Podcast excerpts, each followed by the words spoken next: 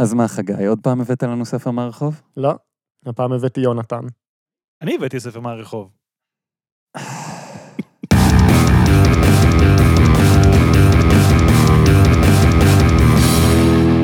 שלום לכולם, אני גל, איתי נמצאים חגי, היי, וליבי, היי. ויונתן. שלום. Mm, למזק, למה זה קיים? המקום בו אנחנו שואלים את השאלה שהיא השם שלנו, והפעם, מין ומזלות. חג... יונתן. מין ומזלות. למה זה קיים? אז אסטרולוגיה זה עסק מורכב, ויש לו את הדגים הקטנים ואת הכרישים הרציניים. כל אסטרולוג פישר יכול ללכת ולכתוב באיזה ישראל מחר, מה יקרה לך, מתי יפגע בך אוטו, האם היום זה יום טוב לקיום עסקים ולפגוש את המשפחה, אבל רק המומחים האמיתיים, ה-VIP, החבר'ה של הטופ של הטופ, רק הם יכולים להגיד לך בוודאות מוחלטת עם מי כדאי לך לשכב. כאן נכנס הספר, מין למזלות. מדובר בספר שנכתב בארצות הברית בשנות ה-70, או, כמו שהספר מגדיר את עצמו, מחקר. שמבוסס על אלפי שנות אסטרולוגיה. זה פחות מחצי חיפוש בגוגל. כאילו, האם היו אלפי שנות אסטרולוגיה? כן. אוקיי. החכמתי. בספר יש 24 פרופילים רומנטיים ואירוטיים של בני האדם, וכן 144 הצירופים האפשריים בין בני המזלות השונים. רגע, 12 כפול 2 זה 24, 12 ב... כן, כן, זה הגיוני, 144. אז בואו נתחיל ונראה מה יש לספר להציע לנו. חייבים, מי רוצה להתנדב ראשון? חגי. חגי, מה המזל שלך? לא יודע, מתי נולדת? גדי. גדי! גדי אינו בתדמיתו התרגום הנאמן לשם המזל בלטינית, גדיוס. שפירושו תיש עטור קרניים, או בעברית, העטור הנודע בתאוותו האורגיסטית. לגדי יש תשוקה כפייתית למין, צורך שאותו מעלה הגדי לדרגה של פולחן דתי. אוקיי, עד כאן הכל נכון. הגדי האמיתי הוא עובד אלילים בהתגלמותו, ראשו בענני טיפש ודמיון, בעוד שרגליו שקועות עמוק בקרקע המציאות. אם קדושת החיים היא הנעלה על הכל, הרי שיצירת חיים היא הנעלה שבמטרות. אוקיי, עד כאן הכל שגוי. מה זה ענני טיפש ודמיון? את הולכת ואת רואה ענן והוא טיפש. ובדמיון שלך הוא טיפש. הוא מוריד גשם של טיפש? זה- הטיפות לא יודעות מה לעשות. זה כזה אקראיות לגמרי. הן נופלות לצדדים כזה ולמעלה. נכון, אתה הולך עם מטריה, ואיכשהו הלמטה של המטריה מצליח להירטב, אז כזה. אוקיי. לא הייתה לאדיקותו המינית של הגדי זרוע מבצעת, כגון האינקוויזיציה. היה ודי מש... הוא פשוט ניסה לרוץ על האינקוויזיציה ככה. כן, הוא חשב שלא לשים לב לאינקוויזיציה. אני אוהב גם את השיעור אזרחות שיש פה, זרוע מבצעת, מה הזרוע המחוקקת. הזרוע הצבאית, איפה האתר כנסת לילדים? כנסת למבוגרים, כנסת למבוגרים בלבד. כנסת אחרי החצות. היה ודאי משליך את המינה למרתף העינויים, הוא עצמו אינו נואש מחיפושיו. ככל מיסיונר אמיתי, הוא דבק בייעודו, הוא מטביל באישו, אישה אחרת, על מנת לשלחה בבוא הזמן. אמן. טוב, זה מתחיל להרגיש לי אמיתי מדי. אתה רוצה שנחליף? כן, אה, יונתן, מה אתה? או, מתחמם, כל עוד לא מגיעים אליי. אני אה, הקרב. ומה אומרים על הקרב? העקרב בז לנשים. צלידתו מקורה בפחדו מהשתלטותן עליו. זאת מחשש מוצדק, שחלק מהן אינן נופלות ממנו בחוכמתן. מוצדק מאוד. הוא מקיף עצמו במיתוס הגבר המקובל, לפיו האישה היא ביסודה יצור אומלל ונואש הזקוק להגנה. זה נכון, אבל גם הגברים. כיוון שהוא נתקל שוב, שוב ושוב בנשים שאינן מבקשות את הגנתו, מתעוררת בו חרדה. ככל שזה נוגע לו, הוא פשוט מדביר נשים תחתיו. אני חושבת שצריך הגנה ממנו. אני פשוט מדמיין אותו הולך במועדון עם K300. מעניין אם דויטש מדויטש ברא, כאילו, מזל הוא הוא. מזל הקרב, כן. הוא מדביר נשים. לעקרב אלף ואחת דרכים לנצח אישה, ואחד היעילים והקטלניים שביניהם, באמת K300, כאילו, קטלניים, יעיל מאוד נגד נשים סוררות. יכול להיות שהם התכוונו לכתוב ג'וקים? לקרב יש אלף ואחת דרכים להדביר ג'וקים. אה, אוקיי. ואחד היעילים והקטלניים שביניהם, הוא תפקיד האימפוטנט, מה? מה?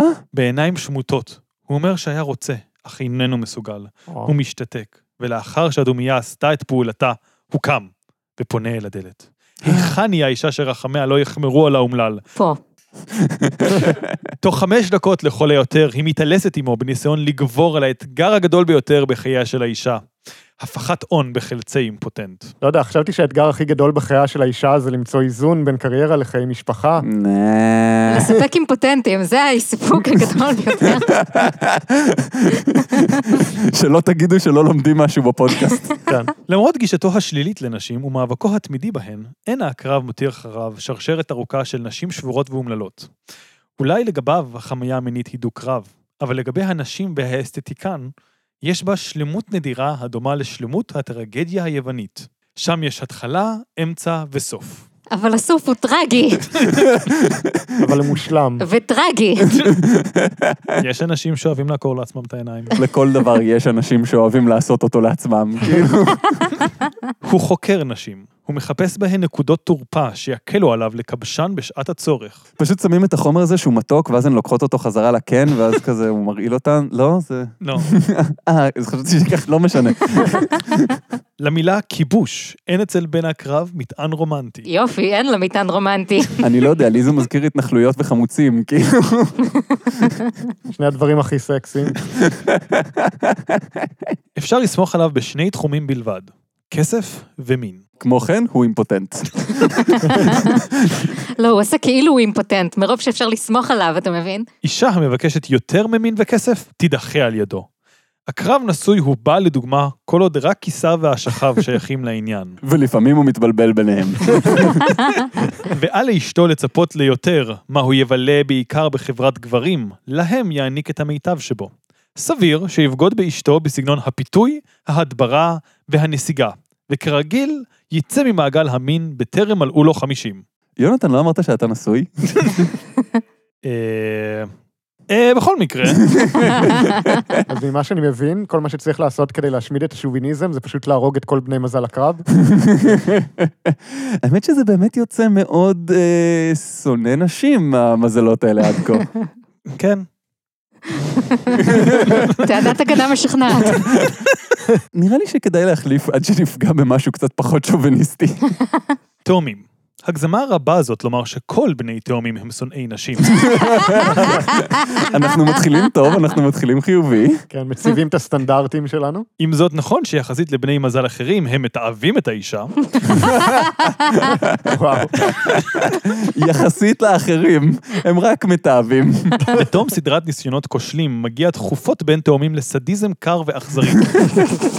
טוב, אה, זה לא עבד. כן, פחות שוביניסטי זה לא יצא לנו. מה עם אה, משהו אחר שיהיה לנו קצת יותר מזל? אה, וואקה וואקה.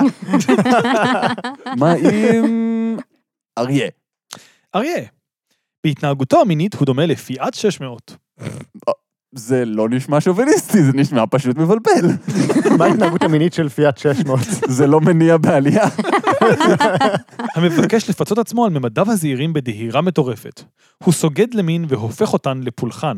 הוא הפלייבוי הנצחי, הגבר המטפח אוספי אומנות אירוטית ופורנוגרפית. אם כיסו מאפשר לו זאת, הוא מתקין מיטת מים עגולה ענקית ומראות בתקרה, כדי לרמוז על התמחותו במדעי המיטה. לרמוז. וואו. זה- זה מה שזה, יש לו גם בר נפתח כזה, כדור דיסקו. והמיטה מסתובבת. זה יותר מעיד על זה שהספר נכתב בשנות ה-70, מאשר על פני מזל אריה, אבל... אוקיי. למזל השורש מכנסיים מתרחבים, ומזל דגים אוהב לשתות גזוז במרפסת. אז בגדול, אפס מתוך ארבעה מזלות של גברים היו לא שונאי נשים. היה אחד שהוא לא לגמרי שונא נשים. כן, הוא רק מתעב אותם. אני חושב שזה יותר גרוע, אני לא מבין. אוקיי, יש לי תחושה שזה לא הולך להשתפר. כדאי שנחליף לנשים, אז בואו נבחר אה, אישה. אה, אז איזה נשים יש לנו? ליבי, כן, מה המזל שלך? שור. בת השור. או, לגבר הסבלן וערך הרוח מעניקה בת שור פיצוי מופלג על כל רגע של ציפייה. זאת בתנאי שהוא מתייחס אליה כאל חברה בעם, בה הוא שותף זוטר ללא זכות הכרעה. מה? ממלא את הטפסים, מגיש החזרי מס, חותם על החטפי. בידיו היא כלי נדיר, ממנו ידע להפיק צלילים מופלאים רק וירטואוז. אני חייבת לומר שבת שור זה טכנית פרה, ולכן הצלילים האלה זה מו. אבל אולי זה מו יפה. אף שהמשגל הינו כמובן שיא ותכלית משחק האהבה כולו. אל לו לגבר להתנות אהבים עם בת שור, אם לא עומדות לרשותו שעות אחדות למיצוי כל השלבים שבמשחק האהבה. וואו, כן, כאילו גם אחרי שאתה מסיים את כל השלבים, יש לך עוד מלא achievements לעשות. ואז ה-DLC וה-pay to win, עזוב, תוותר מחדש. מכאן אנו מגיעים לאחת מתכונותיה המדהימות של בת שור. מו? יכולתה הפרדוקסלית לשמור אמונים לכמה גברים בעת ובעונה אחת. אני יכולה לשנוא הרבה אנשים בעת ובעונה אחת. המצב מביך, ואינו מוסיף בריאות לגברים אלה. אך היא עצמה אינה רואה כל פגם או חריג בהתנהגותה. זכותה לכך נראית לה טבעית והוגנת. כן. בת סרטן, לעומת זאת, כיוון שהסיטה את מוקד התעניינותה מחדר המיטות, היא פונה לעסקים או לפוליטיקה. בהם היא יכולה להתחרות עם הגבר בתנאים שווים ואף להביסו. אני אשמח לראות מקורות לטענה הזאת. התוקפניות שבלוחמות לזכויות האישה הן בנות מזל סרטן. גם לטענה הזאת, אה, אז אני בדקתי את זה. באמת? כן. כמובן. זה הכי הרבה מחקר שעשינו בלמזק עד עכשיו, כן. 35 פרקים. אני לא יודע למה דווקא זה סקרן אותי כל כך, אבל מצאתי רשימה של הפמיניסטיות הכי מפורסמות בהיסטוריה, באמת? כן? ורק שתיים מתוך 15 שם הן בנות מזל סרטן. שזה לא הרבה יותר טוב מניחוש. כן. כאילו היית מצפה שאחת מ-12, אז שתיים מ-15 זה לעגל למעלה בגדול. אבל הם אמרו הכי תוקפניות, לא הכי מפורסמות. כן, יכול להיות שיש מישהי נורא נורא תוקפנית שיושבת בחדר לבד ואף אחד לא שומע עליה. זאת אני, אבל אני לא מזל סרטן. בת העקרב, דרישתה למין אינה כפייתית, היא פשוט אוהבת מין. כששואלים אותה על כך, היא אומרת בגילוי לב שהיא רעבה למין, מחפשת אותו ולעולם לא תשבע ממנו. טעמה בנושא בריא, חופשי, מגוון וללא דעות קדומות. וואו, זה ממש סקס פוזיטיבי. כן, זה די מפתיע, זו פעם ראשונה שלמישהו פה יש יחס בריא למשהו. בשוויוניות, היא מאכלסת בין ירחיה שחורים, לבנים, צהובים וחומים, מה? ללא הבדל דת וגזע. אוקיי, זה לא נשמע נוח. מעכשיו אני שותקת על הכל. בת הקרב אינה צמאה למשגל במובנו הצר, כשם שאין היא אובייקט נוח לאונס. היא איננה אובייקט נוח לאונס. ומה זה המשגל במובנו הצר? זה גם נשמע לא נוח. כן, אנחנו לא מתעכבים על האונס, כאילו. אני לא יודעת, כל פעם שאני מדברת על אונס אומרים לי שאני ממציאה. וואו. היא פשוט אוהבת מין על-על גילוייו, ואם אהבתה לגברים מעבירה אותה על דעתה, יש לסלוח לה על ההפרזה. אני סולח לך. היא-היא הקולומבוס והמרקו פולו של המין. היא תמיד מחפשת נתיבים חדשים לארצות לא נודעות ולעולמות נעלמים. אז היא המקבילה המינית של לנסות להגיע להודו ולהגיע לאמריקה במקום. ואז להישאר שם קצת, לטבוח בילידים, לקחת קרדיט על הכל. למרות שיש שם כבר מישהו. וואו, אני הראשון שהגעתי לשם. אה, אדוני, אנחנו... לא, אני הראשון. ובסוף לקבל יום. אוקיי. אני חושב שמתחנו את המטאפורה הזאת כמה שאפשר. בת מאזניים. חוויית האורגזם של בת מאזניים באה בעוצמת התפוצצות הסוחפת את כל גופה, את המיטה, את הבית ואת העולם כולו. זה אומר שעכשיו אני צריכה להוסיף סעיף ביטוח נגד האורגזם של בת מזל מאזניים לביטוח דירה שלי. כאילו בנות מזל מאזניים הם כולם דמויות מדרגון בול. הפורקן שהיא מסוגלת לו בכל משגל הוא דבר שאישה נורמלית זוכה לו פעמים ספורות בכל חייה, ואליו היא הורגת עד יומה האחרון. אני חושבת שזה לא בני כל המזלות ששונאים נשים אלא הסופר. אלא שלהרגשתה של בת מאזניים, פורקן אימתני זה הוא בגידה בערכים, הוא כפירה בעיקר. גופה כאילו הכשיל אותה בכך שנכנע לגירוי ולפיתוי, שהם בעיניה שפלים ורעים, אם לא מוקצים מחמת המיאוס. בת מאזניים אינה משתתפת פעילה במעשה האהבה. מה? אז היא כן ממש בקטע או לא ממש בקטע, אני לא עוקבת אחרי איך שהיא מתנהגת. בת בתולה! אני לא אופטימי. גדולה הסתירה שבין סמל המזל לבין החוסות בצילו, כי אכן הבתולים הם מצרך נדיר בין בנות בתולה. מצרך זה דבר שצורכים. תן לי בבקשה אחד בתולי. אני מצטער, זה מצרך נדיר. יש בתולים שייני, גם צריך למצוא את זה וזה. בתולים גו. כמו כן, בני מזל סרטן הם לא באמת סרטנים ענקיים. בני מזל תאומים זה לא מילולית שני אנשים. אישה אוהבת תתמסר גם דרך חור המנעול. פתגם ערבי זה, שמלפני המצאת מנעול הייל, מתאר ללא ספק את בת בתולה. אני מקווה שהפתגמים הערביים שאחרי המצאת מנעולי האל יותר מוצלחים מזה. בת טלה. בת טלה היא בראש ובראשונה שחקנית. המתבונן מבחוץ מתרשם שחיי הרגש של בת טלה סוערים ועשירים. ייתכן זה כך, וייתכן שלא. אין עוד אופציות. היא בכל מקום תעשה כמיטב יכולתה לחזק רושם זה.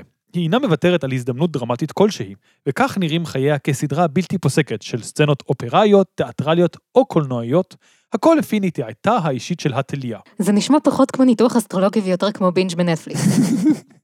היא יוצרת מערך אשליות מושלם, תאורה מעומעמת, בושם משחרר, כותונת לילה שקופה, שלא לדבר על ענקות ערגה קורעות לב. כושר ההונאה העצמית של בת עלה מאפשר לה לשכנע את עצמה שאכן היא מצפה לרגעי מבוא מתמשכים, לנשיקה מרחפת, לחיבוק פתאומי וסוחף, להתפשטות הדרגתית, ולשאר אלף ואחת הדקויות המרכיבות את מעשה האהבה של טרם המשגל.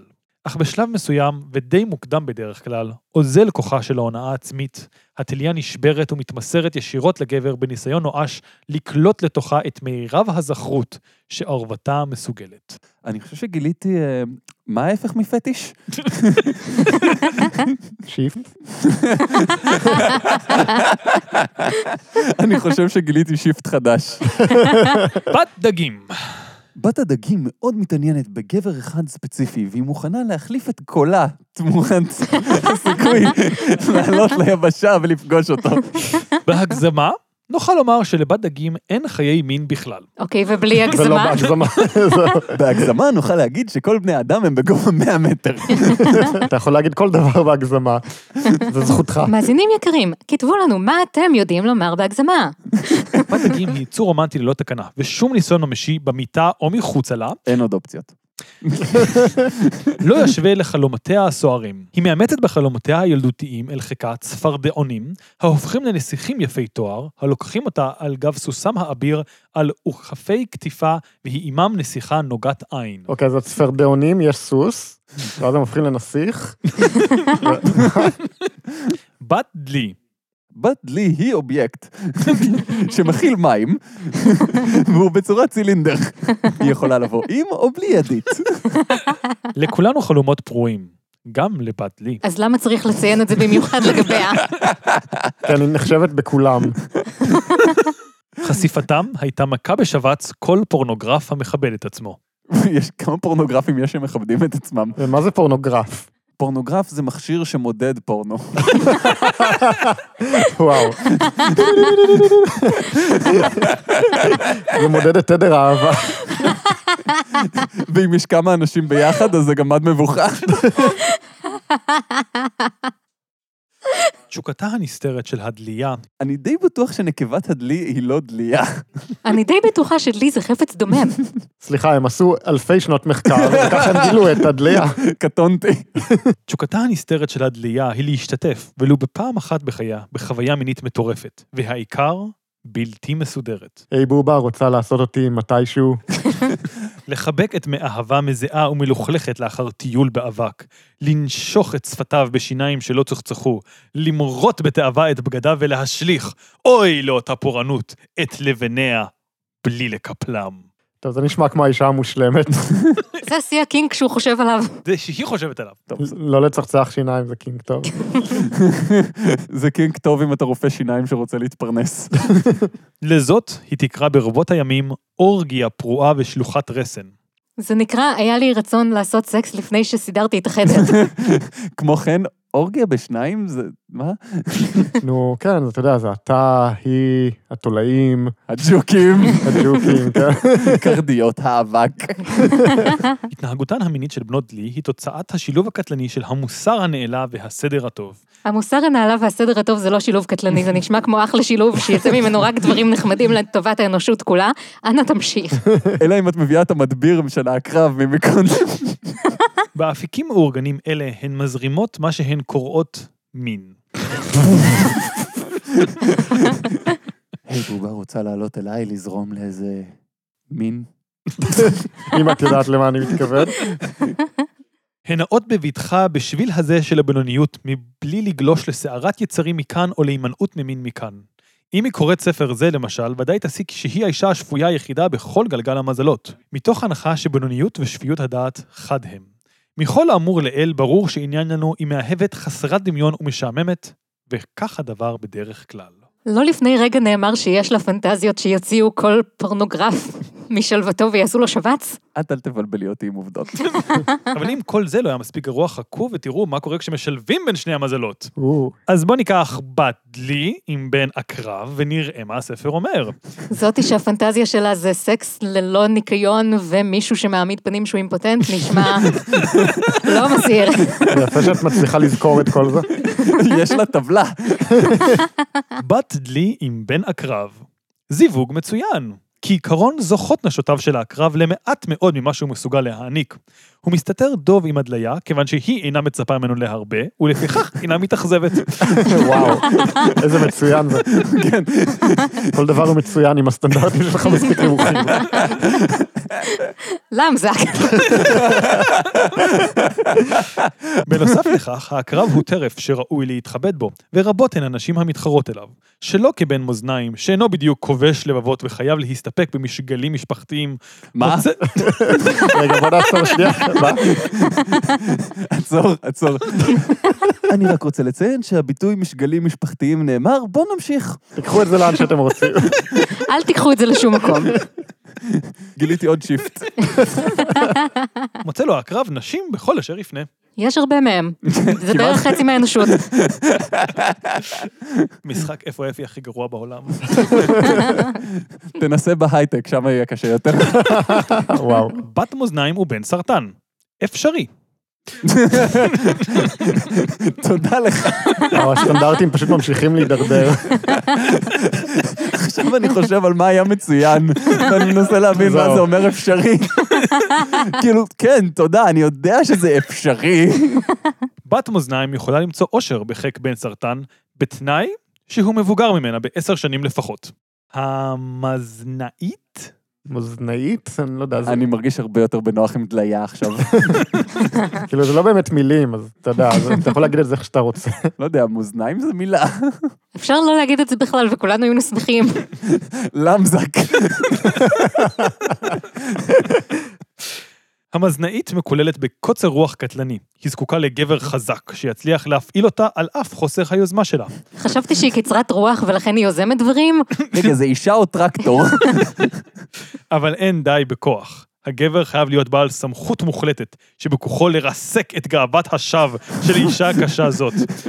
משגליהם של השניים הם בסדר גודל של גוג ומגוג. וואו. אורגיות אישיות שרובנו מהרהרים בהן בלי להעז לבצען. משגליהם של השניים זה לא אורגיות, או שזה אורגיות ולא משגל של שניים. וואו, בת מאזניים ובן סרטן זה התיאוריה האפוקליפטית האהובה עליי.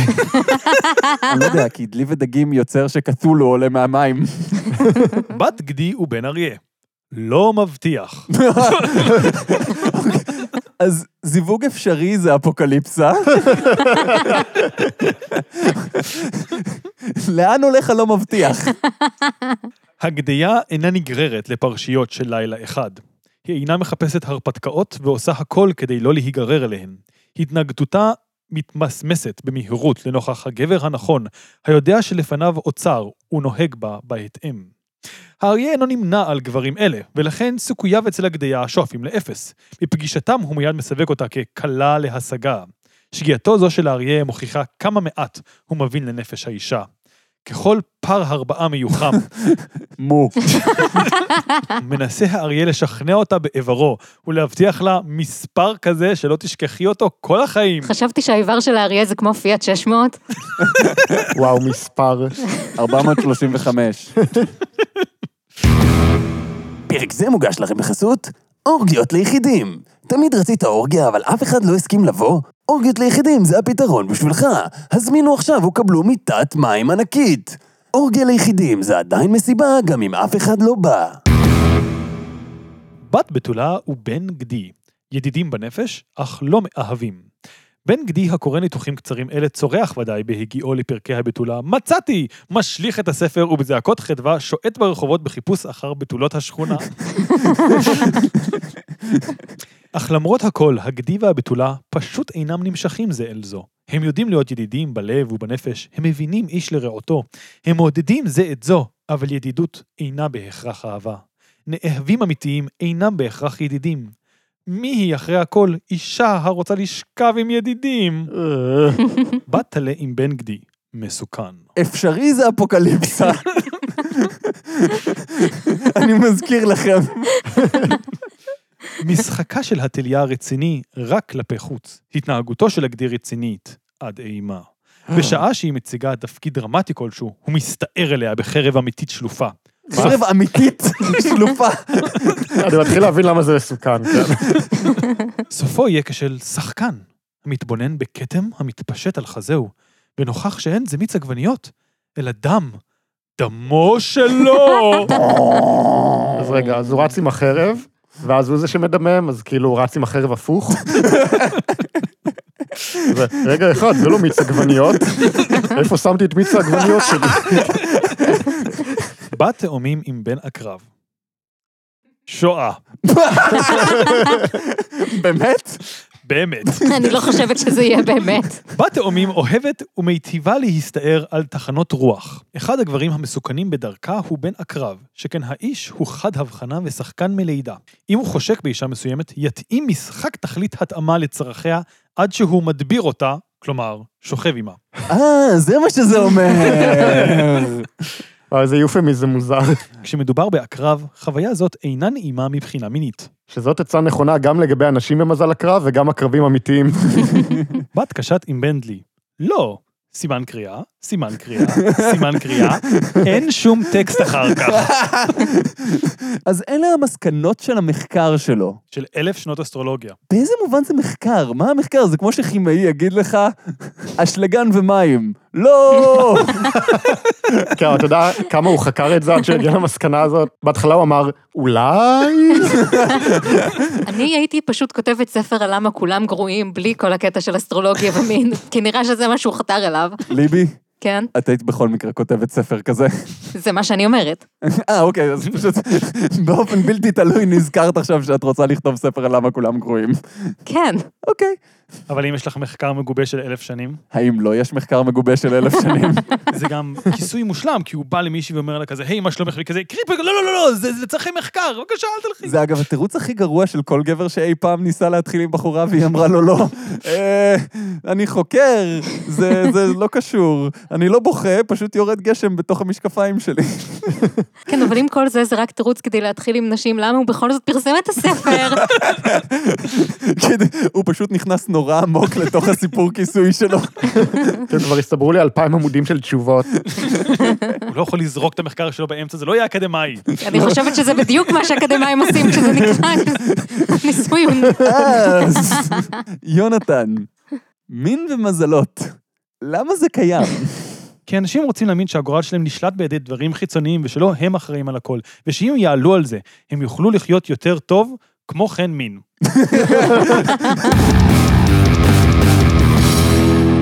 אה, זה היה הפרק ה-35 של למזק. תודה רבה ליונתן צוריה, שהביא לנו את הספר הזה מהרחוב. כמו שאנחנו כולנו יודעים, ערימת ספרים ברחוב נהיית יותר ויותר מתאימה ללמזק, ככל שיותר אנשים עברו עליה.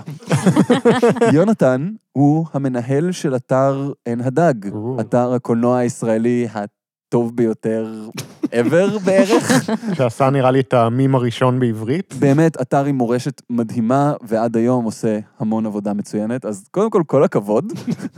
תודה. ודבר שני, אם אתם מתעניינים בקולנוע ומחפשים קהילה ממש נהדרת של אנשים בעברית שנותנים ביקורות ומנהלים שיחות לגבי סרטים לעומק ולרוחב, זה מקום מעולה, באמת מומלץ בחום. כמו כן, בנימה הרבה פחות רצינית, עמוד הפייסבוק פוסטרים כנים, זה שלך, לא? אה, כן, כאילו זה גם שלי, זה שלי ושל קסם ברקוביץ', אפיקאי מאוד מאוד מוכשר, שהוא זה שעושה בעצם את העבודה האמיתית. האמת שאני מכיר את העמוד הזה, לא היה לי מושג שאתה קשור לזה עד עכשיו. עמוד שלוקח פוסטרים של סרטים, ופשוט מחליף את כל הטקסט שם בטקסט שאומר על מה הסרט באמת. כאילו גרסה מילולית של הפוסטר. כן. גדול. כולל הקרדיטים, כולל כל הפרטים הקטנים, הכל מלא בבדיחות פיציות כאלה, אני מת על זה. מדהים. אז... רגע, אז לפני שמסיימים, אפשר רק למסור דש לכרמל ג'ורג' וענבר זלדה? לא. אז זה היה הפרק ה-35 של למזק, בו למדנו שאל תתרבו. אז אה, ביי. ביי. ביי. ביי.